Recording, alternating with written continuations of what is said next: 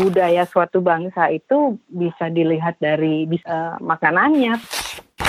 Nah, yang kayak gini ini nggak mungkin ditulis di buku resep atau tidak ditulis di buku resep. Ada hmm. rekomendasi nggak buku resep yang works gitu? Kalau ada satu buku yang lo perlu, ya itu, that's it. Lu baru baru saja memberikan ide kepada Steven untuk mas kawinnya. Lu punya buku resep berapa sih, Win? About 400 or more. itu kalau total-total berapa resep itu di dalam, Win?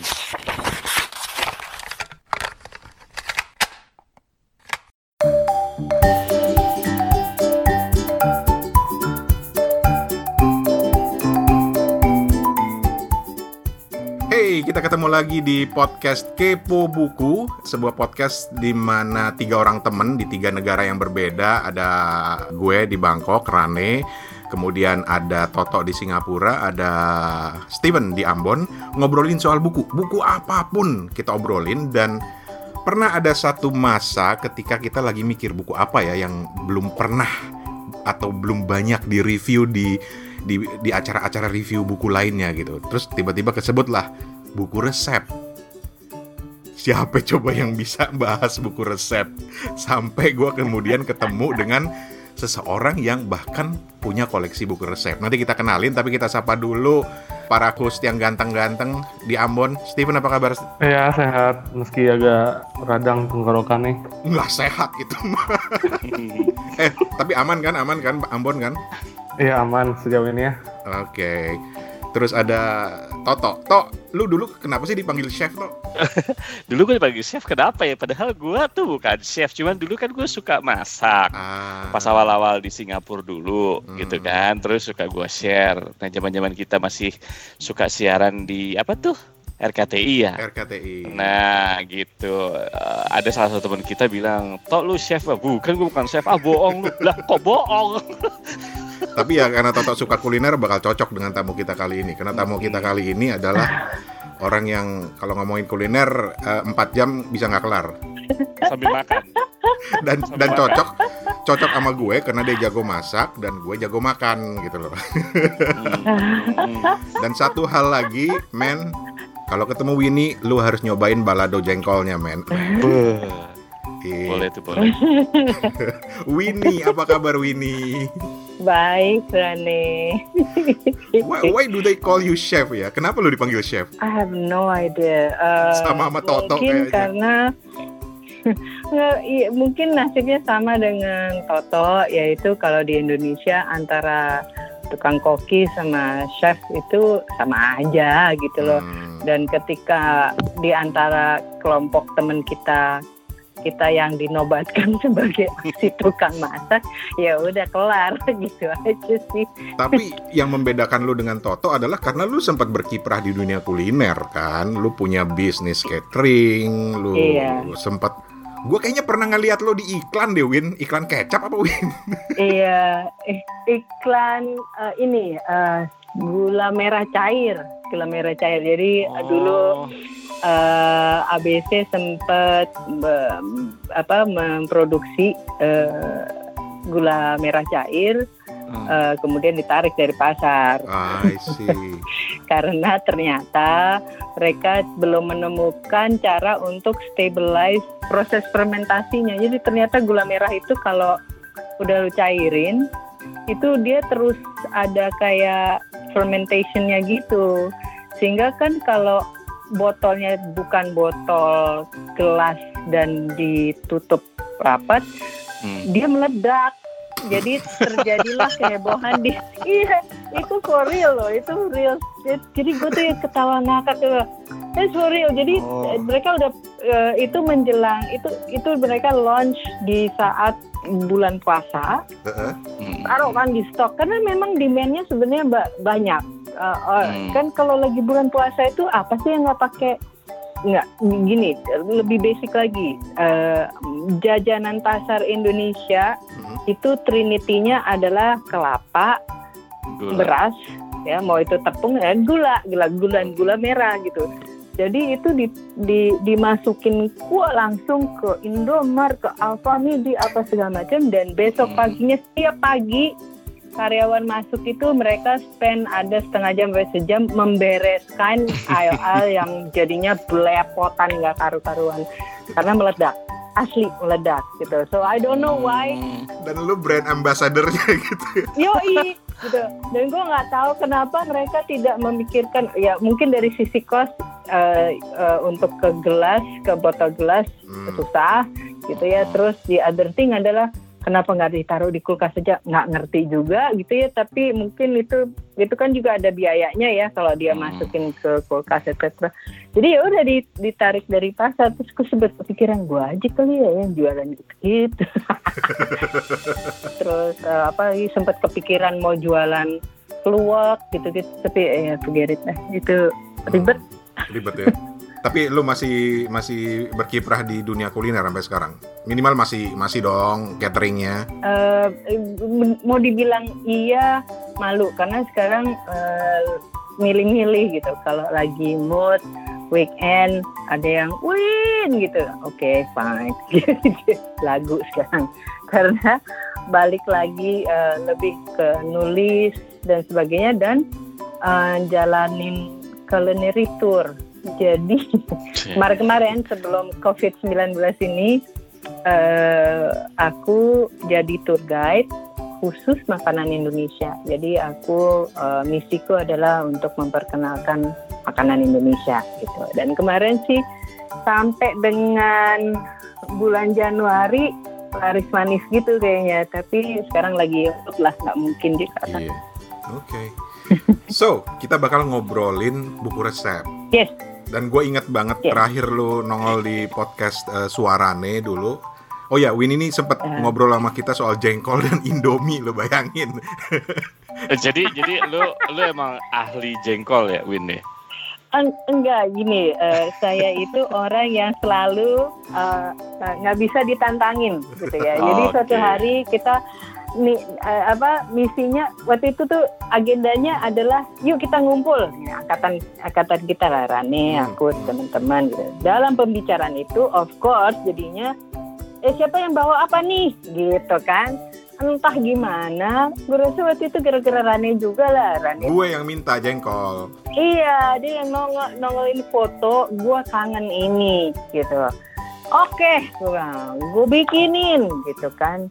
Terus keluarlah beberapa kali, gue belum pernah tuh makan jengkol. Hah? Gitu kan.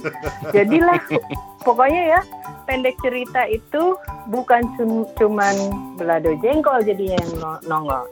Eh, jengkol cabai hijau, eh, jengkol bumbu rendang, semur jengkol sama gulai jengkol. Lima-limanya tampil hari itu.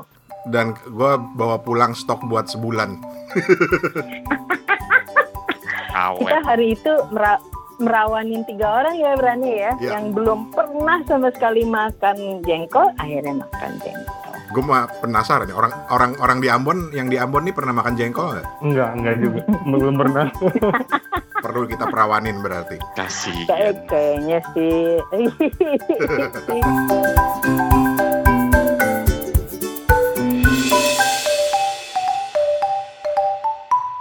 Anyway, yes, ini punya banyak buku-buku resep. Hmm. Tapi sebelum eh, kita ngobrol-ngabrik koleksinya Winnie, gue mau nanya Steven dulu. Ven, Hmm. lu pernah nggak mempraktekkan masak dari buku resep atau dari dari resep lah, entah di majalah atau di mana gitu? Udah pasti pernah dong. Berhasil nggak? ya lumayan kayaknya.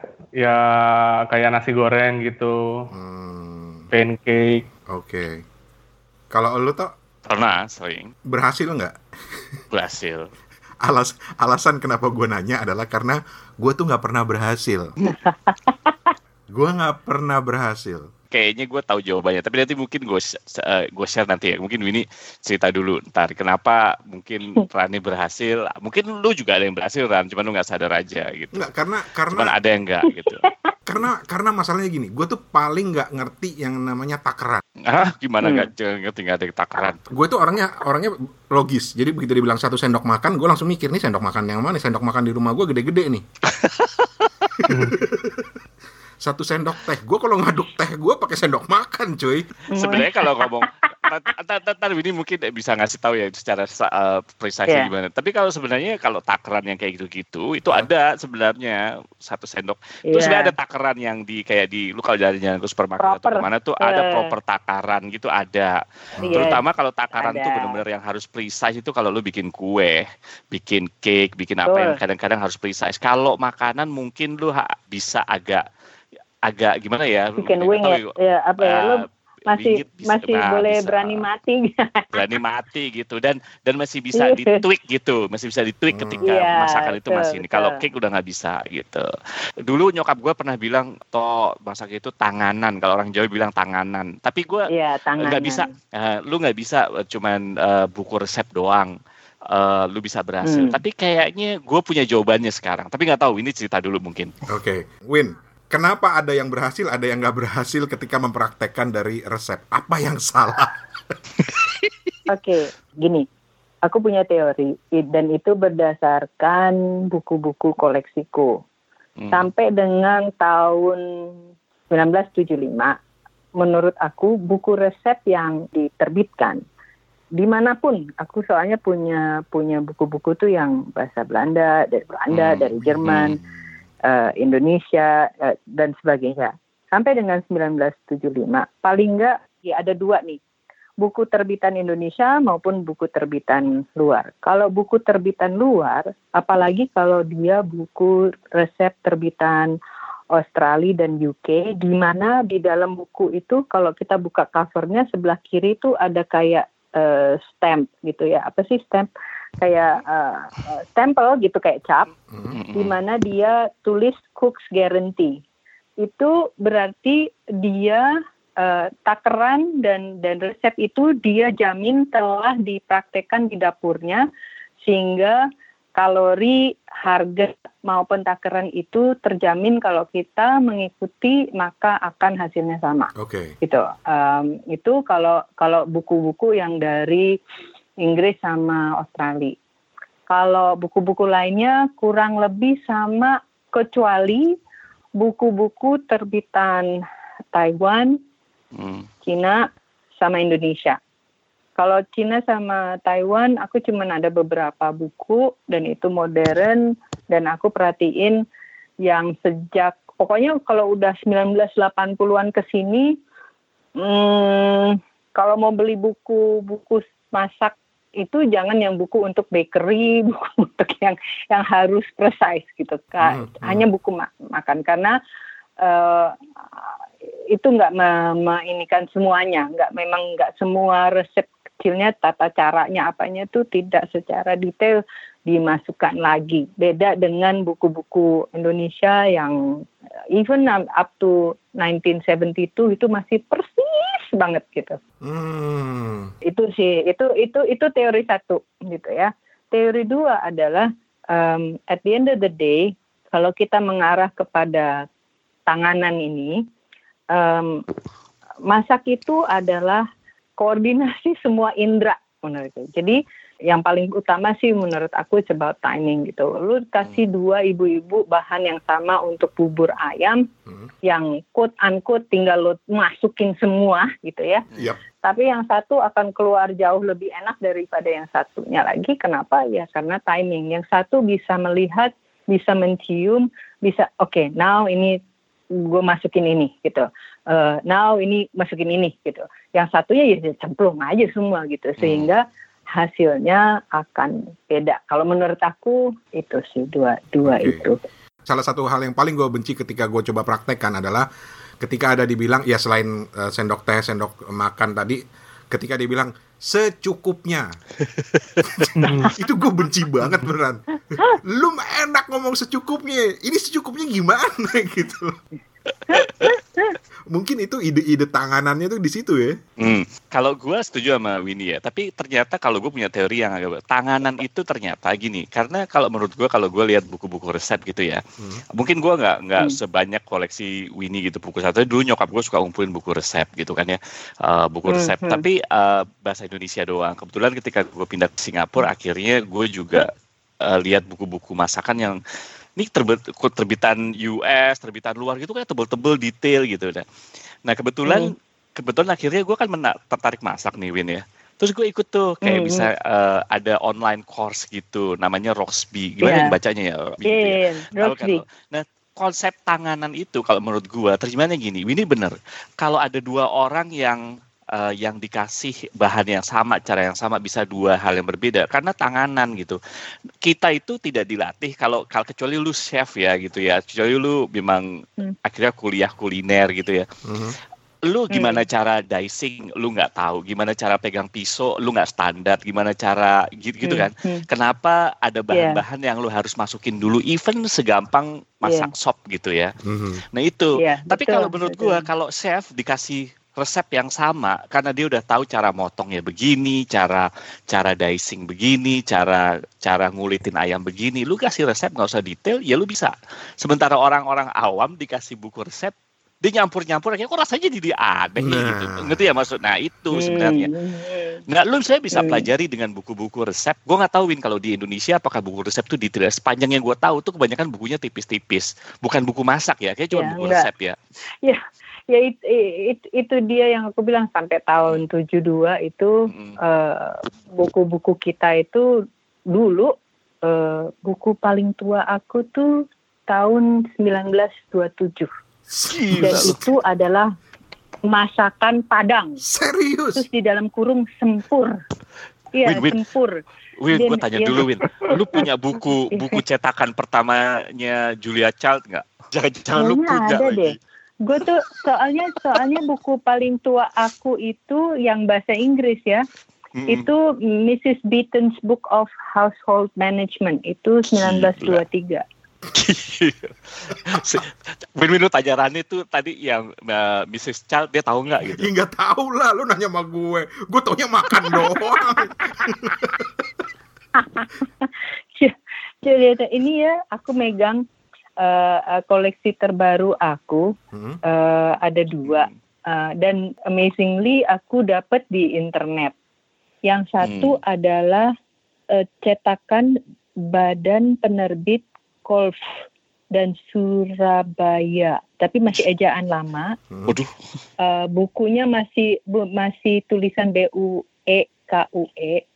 Ini hmm. ini uh, sampai di selotep selotep saking lamanya ya ini 1949 kalau buku ini. Mm-hmm. buat buatnya ejaan nama ya buat mm-hmm. masakan Indonesia Belanda Tionghoa dan lain-lain. Ya ini Gila. satu. Terus yang satu lagi ini gue cinta banget sama apa buku ini. Nasi mm. dan sambal sambalan. Nih ya. This this book uh, ya ampun ini terbitan mana aduh gue sampai ini nah ini dulu pengarang ini kalau kita bisa nemu dia pengarang Siti hmm. Nur Zainuddin Moro bekas pengajar sekolah guru wanita. Buku-buku yang dikaryakan dia itu tebal-tebal. Tebal-tebal dan detail Hmm. Detail. Oke, okay, ntar dulu. Detail itu maksudnya gimana? Karena penafsiran gua tentang buku masak itu adalah cara masak, bumbu, eh, persiapan dan cara masak. Satu halaman kelar gitu loh. Nih ya. Si ini si si si si buku nasi dan sambalan-sambalan aja ya. Dia kasih satu contoh bagaimana memadukan hmm. uh, makanan ya Kemudian dia kasih contoh sajian. Jadi kalau lo hmm. bikin lo mem memasak nasi putih dengan dendeng basah, maka paduan berikutnya yang pantas adalah gulai telur, lodeh, sambal terasi, lalap ketimun, buah-buahan. Sampai begitu tuh. Sampai sedetail itu ya? Iya, sampai sedetail itu. Nah, itu tidak ada lagi di buku-buku yang maksudnya aku lihat gitu ya even uh, uh, buku-buku apa sih dapur hmm. pintar etc itu yang udah nggak tahun ada, tahun ada. 1980 hmm. udah nggak ada gitu loh hmm. dia sampai bisa bilang gitu loh bahwa um, satu liter beras plus setengah liter ketan satu hmm. setengah kelapa dibuat santan mana ada di buku kita sekarang kayak gitu nggak ada loh itu sampai ditulis 4 kilo beras sama dengan satu periuk gitu. Satu ayam plus tulang plus tulang ekstra. Gila. Gila. You know, it's tapi ekstra itu sebenarnya yang membuat Hmm. apa ya? Itu yang membuat oh yang ini nendang, yang ini enggak gitu kan. Hmm, Itu yang yang hmm. yang sekarang itu somehow I don't know gitu karena uh, waktu aku memulai this was in uh, tahun 2003 waktu Hmm. mulai coba-coba jualan risoles lah apa Hmm, gitu. hmm, hmm. Eh, aku sempet itu jualan risoles. Kalau sekarang kan yang lagi ngetren risoles mayones ya udah nggak ngetren lagi sih. Tapi yang modern modern version dari risoles itu kan si risoles mayones itu ya. Iya iya benar. benar. Dulu aku sempat jualan bukan bukan risoles mayones tapi aku isi dengan em, bechamel Hmm. dikasih keju cheddar old cheddar dikasih mushroom. Lu tuh ngomong segala macam eh, jenisnya itu gua kagak tahu tapi tetap aja gua lapar lu dengernya. Jadi jadi intinya adalah bikin risoles di mana isinya itu dominan keju, gue kasih jamur dan gue kasih apa daging-daging asap kadang da- asap ayam, daging asap Hmm. uh, sapi dan itu aku banget gitu. Dan satu hal yang uh, menurut aku mungkin ini penyebab kenapa buku-buku resep di Indonesia atau Asia itu cenderung tidak detail lagi Hmm, hmm. karena berkali-kali aku tuh dikasih tahu orang kamu resep jangan kasih tahu orang ya Ah. simpen loh itu itu rahasia keberhasilan kamu nanti gitu jangan Hmm, sampai hmm, hmm. jadi ada Mungkin mentality itu. Ah, um, ada mentality bahwa dengan lo kasih tahu resep yang benar, rahasia lo akan terbongkar dan dengan rahasia itu ketahuan, lo nggak akan laku lagi gitu loh. Which is Hmm. what? Dan dan dan akibatnya mungkin orang bikin buku resep tuh se, se, se- sekedarnya aja lah ya. Iya, se- karena dan itu yang oh mungkin orang ketakutan kali ya, which is nggak make sense sih buat aku. Aku sering dulu tuh sering aku sense, jawab ya. nenekku. Hmm. Aku bilang sama nenekku, nenekku, loh katanya suruh percaya agama. Tuh yang sebelah sebelahan jualan sate, kayaknya nyantai deh gitu ya. Hmm. Maksudnya rezeki your rezeki gitu loh. Yang jualan Hmm. bakso sebelah sebelahan juga Tapi- nyantai gitu. Tapi Win kalau Rani nggak nggak percaya Tuhan dia kalau mau jualan dia dia percaya pesugihan katanya. Sialan lo. Tapi Win, lu kan sekarang udah advance nih ya, udah advance masak gitu ya ibaratnya ya. Lu sekarang masih beli buku masak? Masih. Masih. Dan buku masak apa dong? Masih. Seorang yang saya advance lu gitu ya. Lu sekarang eh, punya kekecewaan terhadap buku-buku masak dalam tanda kutip Asia atau Indonesia gitu ya. Nah sekarang lu kalau nyari buku masak yang kayak apa dong? Gitu. Em, aku nyari buku masaknya yang very fokus jadinya. Kayak kemarin Hmm. itu eh, satu beli em, buku tentang kambing, cetakan luar. Oke. Eh, gue sengaja eh, beli eh, itu karena em, gue interest ke ini ya. Dia bener-bener dari it's not sekedar sop kaki kambing, resep sop kaki kambing, tapi Mm-mm. bagaimana nge-grill, bagaimana nge-steam, bagaimana. Jadi Hmm, betul, lebih lebih detail gitu sih gitu. loh. Eh, Hmm. bahkan ada buku-buku yang kayak apa ya, eh, yang non halal, bukan Mm-mm. karena gue masak, tapi gue penasaran apa sih yang membuat ini, apa sih gitu yang eh, ya itu lebih ke curiosity itu sih gitu. Mm-mm, mm-mm,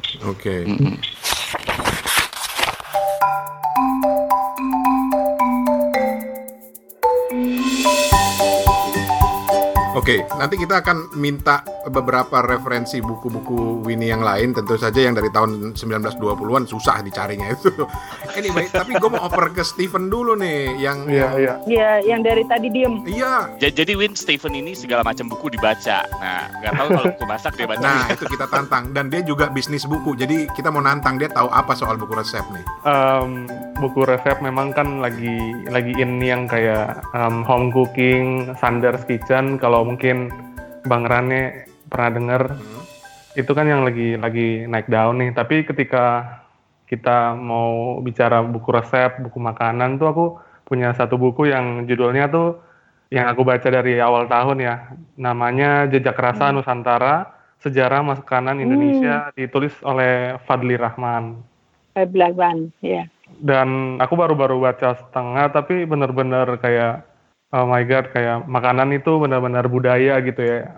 Makanan tuh yes. bukan bukan hanya sekedar kita memuaskan urusan mulut dan perut, tapi apa sih yang membuat uh, kebudayaan itu bisa merasuk ke dalam tatanan dapur seseorang gitu, keluarga hmm. gitu. Hmm, hmm, hmm.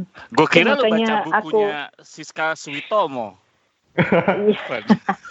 She's a legend, that one. She's a legend, She's a legend. ya. Um, itu aku aku percaya banget apa yang Stephen bilang itu makanya si Lahap Tour ini uh, by the way nama nama tour aku tuh namanya Lahap Tour itu hmm. tagline-nya adalah telling Indonesia story through its food gitu.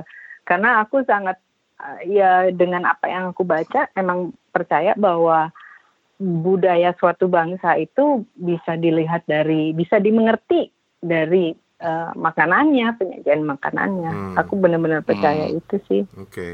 Itu kenapa gue nggak mengerti orang Indonesia, Win. Karena makanannya banyak yes. gitu, ya. Yes. Karena makanannya gua, banyak dari sambal sampai Merauke itu ampun banyak banget gitu. Gue gimana yes. menerjemahkan orang Indonesia, coba. Nah, nah itu uh, apa? Ini asli baru pembicaraan aku berapa hari dengan hmm. beberapa GM hotel di Indonesia di Jakarta. Hmm. Kita ada, uh, mereka kan majority jadi gini uh, sebelum COVID-19 ini mm-hmm. ada satu hari di mana aku kumpulin mereka about three people uh, dan aku bawa mereka uh, ke keliling uh, hmm. memperkenalkan mereka yang menurut aku benar-benar makanan Indonesia uh, dan dan dan tantangan dari menjalankan lahap tour ini ternyata adalah ketika aku cuma punya 3-4 jam itu sangat sulit untuk menyajikan makanan dan bilang ini loh makanan Indonesia ini mm-hmm. mission impossible gitu karena yeah, iya, uh, aku sampai harus bilang saya perlu lima jam gitu. saya perlu lima jam dan itu pun dan itu pun tidak bisa menggambarkan keseluruhan apa yang Indonesia. dibilang makanan Indonesia, Indonesia. itu. Sementara kalau yeah. di luar negeri orang begitu disebut makanan Indonesia rendang nasi goreng. Ya dan kita perlu berterima kasih ke the late Anthony Bourdain hmm. tuh untuk untuk itu. Kalau enggak masih hmm. orang masih nggak kenal makanan kita itu kan karena dia kemudian uh, masuk ke CNN di mana mereka me me menyatakan bahwa yang namanya rendang dan nasi goreng itu termasuk makanan paling enak di dunia. Mm-hmm. Itu menjadikan topiknya kedua makanan itu, tapi ya ini kayak kemarin dengan dengan namanya uh, Paulo Randoni dia GM dari Wyndham Hotel. Uh, kita dia istrinya orang Surabaya dan hmm. dia sangat-sangat mencintai Indonesia. Dan dia hmm. bilang ketika dan dia lama di tinggal di Thailand, dia bilang ketika ketika aku mau mengadakan festival makanan Thailand itu sangat mudah. Hmm. Uh, masukin tom yam goong, masukin patai sebagai hmm. sebagai minyak dan gitu dia bilang di Indonesia aku mau milih sup aja di bang, aku udah mau gila Win dia bilang soto aja. Gue mau pilih soto yang mana nih katanya ya. Bubur banyak ya. iya dia bilang aku hmm. yang mana? Dia bilang gitu sampai yang iya dia ini ya berdebat sama aku yang kita karena dia bilang oke okay, uh, eh, ketika lo uh, bilang uh, sama orang I will give you a tour dan at the end of di akhir dari lima jam ini lo akan mengerti makanan Indonesia lalu apa yang kamu pilih. Jadi aku kasih dia tuh rundown aku gitu kan. Mm-hmm. nah di situlah mulai terjadi perdebatan-perdebatan. Karena dia bilang oh seharusnya masukin rawon. Nih bilang karena rawon nggak ada lagi di dunia lain. Mm. lo harus masukin si bakso karena di di lain adanya fishball dia bilang ini bakso tuh Indonesia dia bilang gitu kan jadi uh, kita tuh berdua tuh akhirnya ya terus gimana caranya orang muat makanan sebanyak begini dalam lima hmm, jam? Iya, iya. gitu. Karena part of part of the tour itu kan lo harus bisa menikmati selama lima jam itu apa yang lo konsumsi gitu kan ya gitu deh Hmm. pokoknya terus yang wah itu dia Lapar makanan Indonesia jadi. yang kac yang kacauin orang kalau di Rani mungkin tak setuju apa enggak tapi di di Singapura atau di Malaysia ada summary-nya tuh makanan Indonesia apa dan itu bukan rendang hmm. ayam penyet oh ya Iya. gue bingung orang di Singapura tuh kenal makanan Indonesia tuh ayam penyet gue juga bingung kenapa jadi ayam penyet ya karena imigran kita yang ke sana Mm-mm. banyak menyajikan makanannya itu. Mungkin ya. Rani tak setuju atau karena kan, kan ya rendang rendang aja tuh ya. Aku pernah bereksperimen. Rend- masak rendang di kompor masak rendang dengan areng Mm-mm. masak rendang dengan kayu. Hmm. masak rendang dengan kompor itu dalam hampir 4 jam jadi benar-benar api kecil ya hampir. 4 jam tuh jadi gitu ya kalau rendang arang itu is about hampir 10 jam Buset. Terus yang kayu itu aku tuh mulai masak jam 4 sore. Mm. Yang rendang kayu itu besoknya jam 8 baru baru jadi gitu. Dan itu em, dan pengertian jadi adalah eh, si si bumbunya itu sudah sudah mulai mengering asap tidak lagi ada ada kuah kalaupun ada itu berbentuk minyak gitu ya Hmm. eh, untuk menandakan bahwa itu ad- adalah masak. Satu warnanya beda banget. Yang kompor masih ada merah-merahnya, coklat. Yang kayu itu hampir hitam, gitu ya.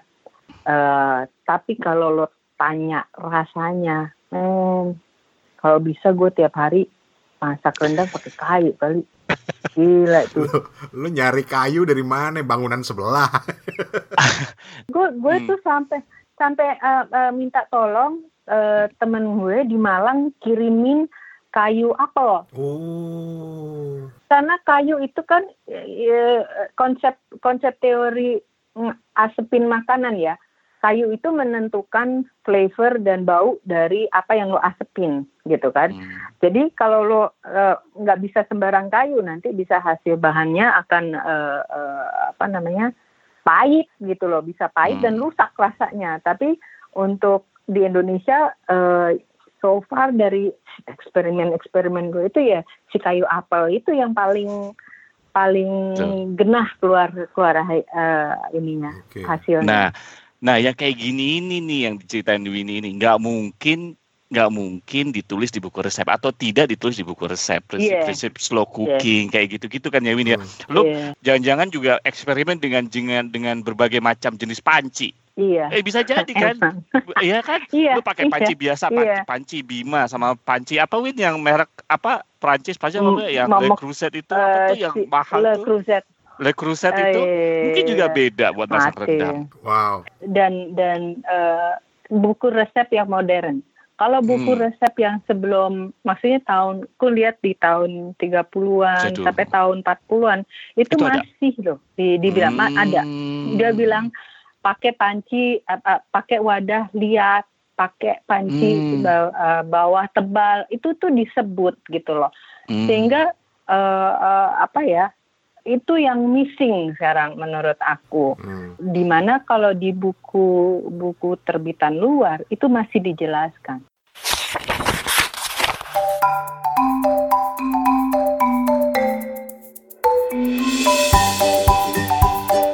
Em, aku boleh nanya ya ke Mbak Winnie ya, kalau misalnya kita sebagai seorang pemula, dalam artian pengen Yes. coba resep ini, resep itu, ataupun Hmm, eh, memulai keluarga gitu ya, ada Hmm. rekomendasi nggak buku resep yang works gitu, yang bisa mudah direplikasi ataupun meskipun bukunya bukan buku yang umum, tapi tuh buku ini tuh eh, pasti jadi gitu dalam tanda kutip. Gimana Mbak? Ya, ini asumsinya dia masih proses belajar ya, gitu. Kalau Hmm. proses belajar, eh, kalau itu masakan yang bukan masakan kue atau roti atau dessert ya, buku masakan apa pun mau Indonesia mau luar, eh, sok bisa aja gitu. Apalagi kalau itu masakan eh, hidangan lauk pauk utama, maka uh, seasoning itu apa ya bahasa Indonesia-nya? Kayak garam, merica gitu ya. Bumbu? Itu uh, bu, bumbu basah lebihin sekitar 10% gitu. Hmm. Uh, kalau bumbu kering uh, itu harus kasat mata atau yang kayak Rane bilang disebelin ya secukupnya gitu ya. Ya itu mau nggak mau emang harus dirasain. Tapi ketika yang mau dimengerti atau dipelajari itu adalah kue, uh, roti, uh, dessert satu lebih baik invest untuk les ya um, ikut les-lesan yang apa di bakery baru beli buku tapi pertanyaannya sekarang gini Win uh, karena lo bilang tadi hmm. secara umum ya bisa aja gitu ya hmm. walaupun dengan beberapa tips hmm. yang lu bilang tadi tapi lu bisa nggak refer misalnya buku jenis buku atau malah lebih spesifik ke nama buku yang yang cocok lah buat beginner yang mau mencoba masak dengan belajar dari buku gitu kalau pertanyaannya seperti itu maka uh, gini ada alasan kenapa penerbit-penerbit itu membi membuat buku-buku itu tipis hmm. satu lebih murah untuk orang membelinya Dua, bisa dihitung kok orang Indonesia yang bisa appreciate sejarah bla bla bla dari makanan itu yang sebenarnya dengan dia mengerti sejarah berbagai jenisnya dan sebagainya, dia akan lebih mengerti bagaimana mengelolanya gitu loh. Okay. Asumsi aku kalau orang ini memang mau, maka yang aku anjurkan for the life of me adalah buku yang namanya Mustika Rasa resep masakan Indonesia warisan Soekarno. Wih, itu uh, di itu uh, pengantarnya uh, ini komunitas bambu. Ini sebenarnya buku yang dicetak tahun 67 hmm. tapi sekarang oleh uh, komunitas bambu uh, tahun 2016 hmm. dicetak lagi um, buku ini tidak murah karena buku ini ada uh, 1206 halaman. Oh. Ya. Oke. Okay. Jadi walaupun ini terbitan baru, uh, dia masih ejaan lama, tapi buku ini benar-benar menceritakan hmm, bagaimana makanan Indonesia ya dari kacang tanah sampai bagaimana melipat uh, ketupat sampai coklat dan karena ini buku yang mas sebenarnya aslinya adalah tahun 67 resepnya benar gitu ya jadi dia mau oh, apa namanya mau bikin mm, garbuk khas Madura sampai keripik singkong ada semua di sini. Bahkan aku nggak tahu masih pada ingat nggak um, ada dulu kalau sekarang kan katanya rainbow cake gitu ya. Kalau dulu ada kue dwi warna. hmm. ya, ya, yang basically cuman putih, hijau dan merah itu itu ada di sini. Dan, dan dia dia benar-benar memberi kejelasan tepung maizena, ada santan kental, santan cair, ada garam setengah sendok teh itu ada semua. Jadi kalau ada satu buku yang lo perlu ya itu, that's it. Semua semua rahasia semua ada di situ ya. Semua ada di situ dari belado ikan sampai apa gulai rebung sampai apa ya dan dan dan dia pembagiannya gini pembagiannya makanan utama lauk pauk basah, lauk pauk tidak berkuah, lauk pauk goreng, lauk pauk bakar, sambal-sambalan, jajan, minuman. That's it. hmm. Tapi 1200 sekian halaman gitu kan. Jadi ya that's all you need. Kalau kalau kamu tanya buku apa, that's it. Winnie, yes. Winnie, lu baru baru saja memberikan ide kepada Steven untuk mas kawinnya. Oh man. anyway, gue mau balikin lagi ke koleksi buku lo. Yes. Lu punya buku resep berapa sih, Win? About 400 or more. itu kalau total-total berapa bu. resep itu di dalam, Win? Ribuan kali. Uh, di rumahku tuh cuman cuman hmm. ada tiga lemari buku. uh, okay. tiga lemari buku. Yang satu adalah sejarah hukum dan dan hubungan internasional, hmm. itu urusan bapak gue. Tapi di dalam rak itu bagian gue adalah sejarah. Gitu. Okay. Hmm. Kemudian ada satu rak buku lagi yang isinya seni dan kartun. Oke, okay. ini ini ini satu minatnya Winnie lagi yang lain. Terus yang satu lagi adalah buku masak. 400 buku masak lo punya? Iya, kurang lebih. Kalau misalnya gua gua lu kan bilang tadi uh, gua gua nyamber buku hmm. gua dulu ya di rak gitu ya. Jadi gua asumsikan yang lu samber hmm. itu buku-buku favorit lo. Tadi lu udah sebut beberapa, tapi kalau dari 400 buku itu lu harus milih yang benar-benar favorit lu atau mungkin sangat berpengaruh kepada uh, seorang Winnie gitu apa? Itu yang gue samber. Jadi uh, buku Jadi uh, kalau lo bisa ngebayangin tuh rak buku masak aku itu ada empat kotak hmm. melintang dan tujuh kotak ke atas. Ya. Hmm. Uh, dan itu uh, yang paling atas, row yang paling atas uh, yang uh, susah digapai itu buku-buku resep yang ya sampai 70-an itu. Yang langka. Uh, yang langka lah itu yang ini yang lain-lainnya sih yang aku aku beli dan semakin ke bawah tuh aku perhatiin makin spesifik gitu. Jadi hmm. di sebelah kanan atas buku-buku yang tipis-tipis itu kalau buat aku tuh cuman contekan oh kalau mau bikin ini oh iya bahannya ini udah gitu tutup juga udah ini tapi yang spesifik makin ke bawah makin spesifik gitu yang cuman um, buku untuk salmon, buku untuk kerang, buku untuk udang, buku untuk kambing, buku untuk babi, buku jadi yang spesifik itu makin ke bawah ya mas, makin itu. Jadi kalau nah to answer your question, uh, dua buku yang menjadi andalan aku uh, si Mustika Rasa ini sama ya Mrs. Beaton's Book of Household Management ini tahun 1923 karena yang aku yang aku sangat cintai dari bukunya Mrs. Beaton ini dia uh, menuliskan bahan-bahan yang kalau di luar itu in season. Jadi kalau kalau Februari itu ikan yang lagi in season itu adalah carp, uh, hmm.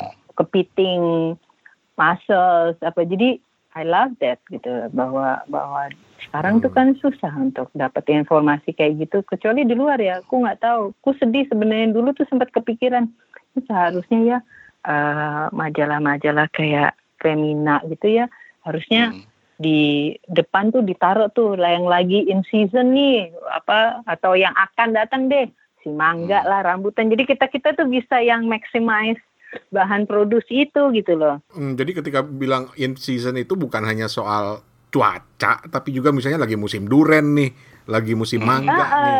Iya. Jadi so far kan kalau kita ya nggak tahu ya mungkin aku ini ya orang hmm. kali udah asal ya. Kadang-kadang ya eh udah ini ya, oh udah duku ya, oh, oh oke okay, gitu loh.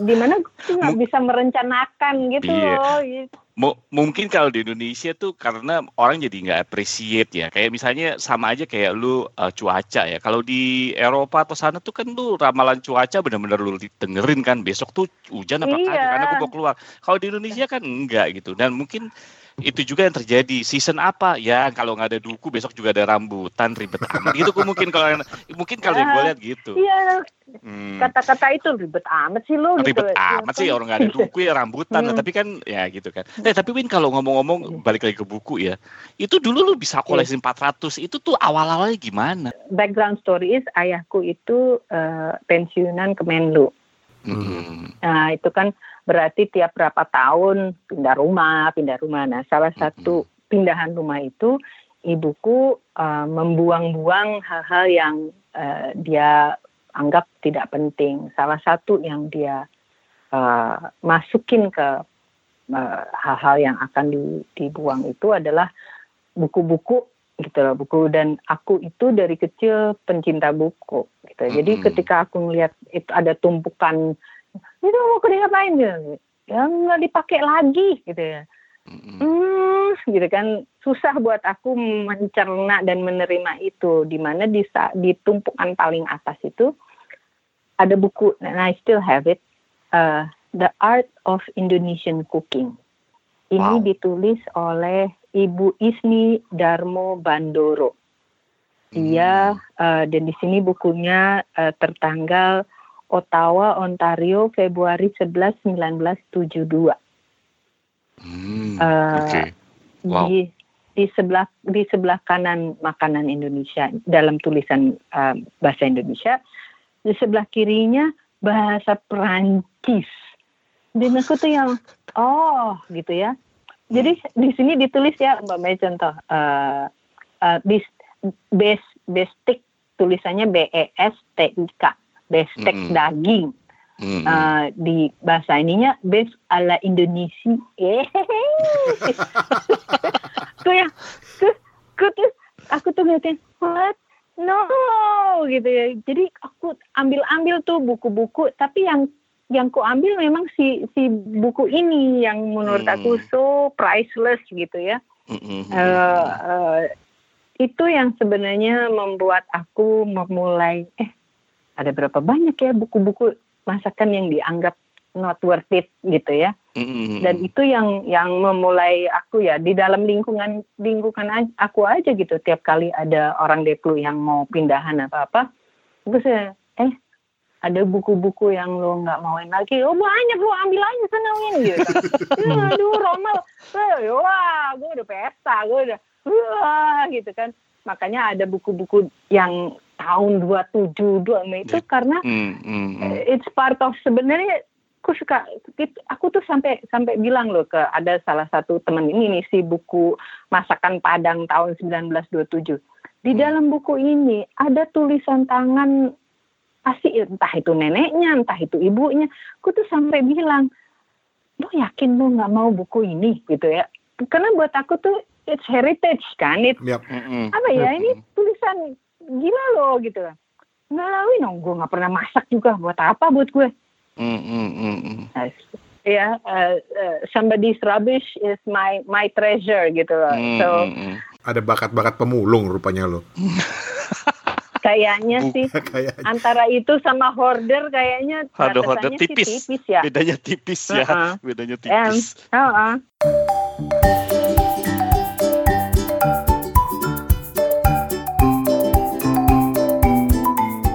Jadi tertarik untuk nanya gini. Hmm. Bagaimana lu dengan dengan pengetahuan lu dan koleksi lu dengan 400 buku masak itu ya gitu ya. Hmm. Melihat buku-buku masakan yang ada sekarang. Masih ada dong. Lu kalau ke Gramedia masih banyak dong buku-buku masak. Oh, masih, oh banyak, banyak, banyak. Da, dan dan dan jujur untuk daerah-daerah tertentu, masakan daerah tertentu, uh, aku kan ke Gramedia untuk uh, gini loh, uh, buku-buku lama atau buku-buku ini kan dia tidak ada gambar, gitu yep. ya. Kadang-kadang uh, susah buat, apalagi kayak umpamanya kemarin tuh aku berusaha ngerti makanan Belitung gitu ya. Uh, kayak apa sih wujudnya nih? Kayak apa sih? Is it like lontar karena dari deskripsi di buku ini kan tidak nggak bisa ngebayangin gitu loh. Hmm. Nah kadang-kadang uh, yang aku lakukan adalah aku ke Gramedia melihat-lihat untuk oh tampangnya kayak gini tuh. Oh oke, okay, I get it gitu. Hmm. Ya dan dan kadang-kadang lebih ke yang oke okay, kok um, kayak apa ya uh, um, kan sekarang lagi uh, banyak orang yang coba mengerti um, makanan Ambon dan Papua dengan hmm. papeda itu kan ya. Hmm. Terus yang suka ini papeda bisa nggak ya disajiin dalam bentuk lain gitu, bisa nggak ya gitu. Ya, eh, itu kan cuma bisa kalau aku melihat melihat gitu loh. Hmm. Uh, kayak apa sih wujudnya dan dan yeah. lihat ke resep lama bandingin ke resep baru. Nah, oh oke. Okay. Oke. Okay. Alright. Uh, Stephen masih ada pertanyaan yang terkait buku nggak? Uh, kayaknya udah cukup. dari tadi. iya, dia dia lagi membayangkan mau bikin papeda katanya nanti habis ini. Toto, yang... masih soal buku toh? Udah, udah. Kalau gue udah. Oke. Okay. So, mungkin pertanyaan terakhir yang terkait soal buku dari gua adalah uh, tips apa yang mungkin tadi lu udah bagi beberapa, tapi tips apa yang mungkin bisa lo hmm. bagi bagi orang-orang yang ingin uh, mengoleksi juga seperti lu, mengumpulkan buku-buku yang terkait dengan eh, resep-resep masakan itu? Satu, uh, dengan asumsi bahwa lo nggak punya peralatan dan sebagainya, uh, buku pertama yang perlu di, dibeli itu justru buku yang um, kayak dapur pintar, kayak si Mustika Rasa ini. Jadi buku-buku yang um, memberi gambaran tentang bahan, bentuk panci, bentuk talenan, bentuk pisau gitu. Karena itu akan menentukan apa yang akan lo beli berikutnya gitu kan aku selalu bilang sama sama teman-temanku yang rumahnya eh, nggak uh, besar untuk don't start dengan kue atau roti karena peralatan untuk kue roti itu banyak. Hmm, betul. Banyak dan romal berarti lo harus punya storage lo harus lebih ribet, ribet. lebih ribet. Lebih ribet. Uh, jadi gue akan bilang udah deh lo beli aja ya kalau lo mau aja makan. Lo masak lo masak yang yang sup dan makanan utama itu aja. Betul. gitu. uh, jadi harus disesuaikan uh, lah ya Iya, mm-hmm. karena karena itu ada ada dampak dampaknya gitu kan. Uh, and then baru dari situ uh, uh, apa namanya ke buku-buku yang kayak Ibu Siska gitu, yang dia hmm. kasih dia dia umpamanya dia kasih gitu dia tuh banyak banget menciptakan buku-buku seperti buku dulu yang um, ini ada 100 resep tapi di bagian depan dia kasih paduan menu gitu sehingga 100 resep itu bisa apa namanya punya domino effect untuk satu dua bulan gitu loh yang hmm. kadang-kadang tuh yang kalau buku-buku yang yang tipis-tipis itu yang menjadi masalah adalah dari satu buku itu paling masuk dua tiga resep. Hmm. So actually itu kan ada 20 halaman sebenarnya ya. Sebenarnya ada Betul. 20 halaman berarti ada 20 resep. Tapi dari satu buku itu ya satu dua. Apalagi kalau yang satu dua nggak satu dua lo nggak berhasil, udah kelar lo nggak sentuh sentuh lagi tuh buku gitu kan. Hmm. Jadi um, aku selalu suggest siapa pun yang menjadi authornya belilah buku yang uh, resep untuk ya 30 resep untuk dua minggu apa ya karena dengan dengan dengan buku seperti itu kita bukan cuma saja melatih untuk bagaimana memasaknya tapi bagaimana memadukan bahan sebenarnya dengan hmm. taruhlah ya ya dari yang aku alamin gitu ketika lu beli buku kayak gitu umpamanya ya kayak yang terjadi dengan si jengkol gitu. Kenapa aku bisa uh, membuat yang cabai hijau lah, gue lah, karena otaknya udah terlatih untuk oh kalau bahan ini tuh bisa dengan ini ya, oh dengan ini dengan bisa ini ya gitu. Karena itu karena kebiasaan hari-hari dalam memadukan resep gitu. Sekarang itu itu sangat pen, lebih penting lagi karena satu hmm, semakin kita hidup di kota semakin dan semakin besar kota itu semakin tergantung ke service staff orang rumah yang untuk paling enggak menyiapkan bahan itu. Nah orang yang seperti ini kan dia kalau dibiarkan dia yang menentukan apa yang dibelanjain dan dimasak bisa lo makan ayam goreng tiap hari gitu loh. Karena ya dia, dia cuma tahu itu gitu loh kan. Sehingga uh, uh, perlu di exercise dari kitanya kita yang kasih nih oke okay, menu minggu ini tiga kali ayam dua kali uh, uh, ikan satu kali daging satu nggak usah masak soalnya pasti keluar. Hari minggu pasti keluar gitu ya dulu ya paling enggak ya. Atau order via via online etc gitu. Jadi nah ketika kita menulis itu itu kan pengalaman ya.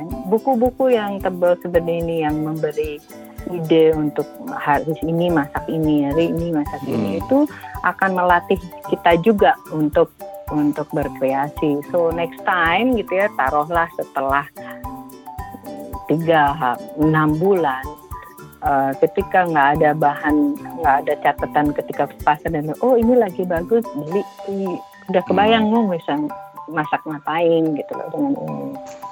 Tapi kalau untuk Rani, gue punya saran satu kali lagi Ran. Kalau buat lo Ran, apa tuh? Lo lo lo cari buku, invest di buku. Ini gue serius, bicara di buku. Hmm. invest di buku yang ada gambarnya. yes. Serius, gak ada gambar serius. Gue ngomong serius ya, karena kadang-kadang okay. gini kan. Uh, misalnya gini ya eh, dengan segala hormat ya misalnya uh, apa bedanya ya mungkin lo tahu ya bedanya jahe bedanya lengkuas bedanya ah. kunyit beda itu kadang-kadang ada gambar itu ada buku yang bagus banget gambarnya ada terus tepi-tepi ikan itu, misalnya itu, kayak gitu right itu buku prim, Prima Sari ya namanya Prima ada ya, Sari yang buku gitu ya? keluaran nah. iya ada ada hmm. ada baby Kailan itu yang kayak apa bedanya kembang kual apa brokoli jangan-jangan lu juga gak tahu lagi. Tahu lah ya kalau lo ya lah. Nggak tahu. Gue nggak tahu. Beneran. Sumpah gue nggak tahu. Mungkin perlu ya kayak gitu. Jadi pada saat lu ke supermarket atau ke pasar lu tahu oh ini yang namanya gitu kan. Dan Steven kembali mendapatkan ide buat mas kawinnya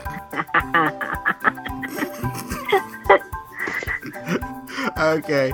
Win, thank you ya Win ya. Alright, yes. Okay. Yeah, thank you. Thank you ya. ya, selamat malam. Terima kasih. Bye. Bye. Malam.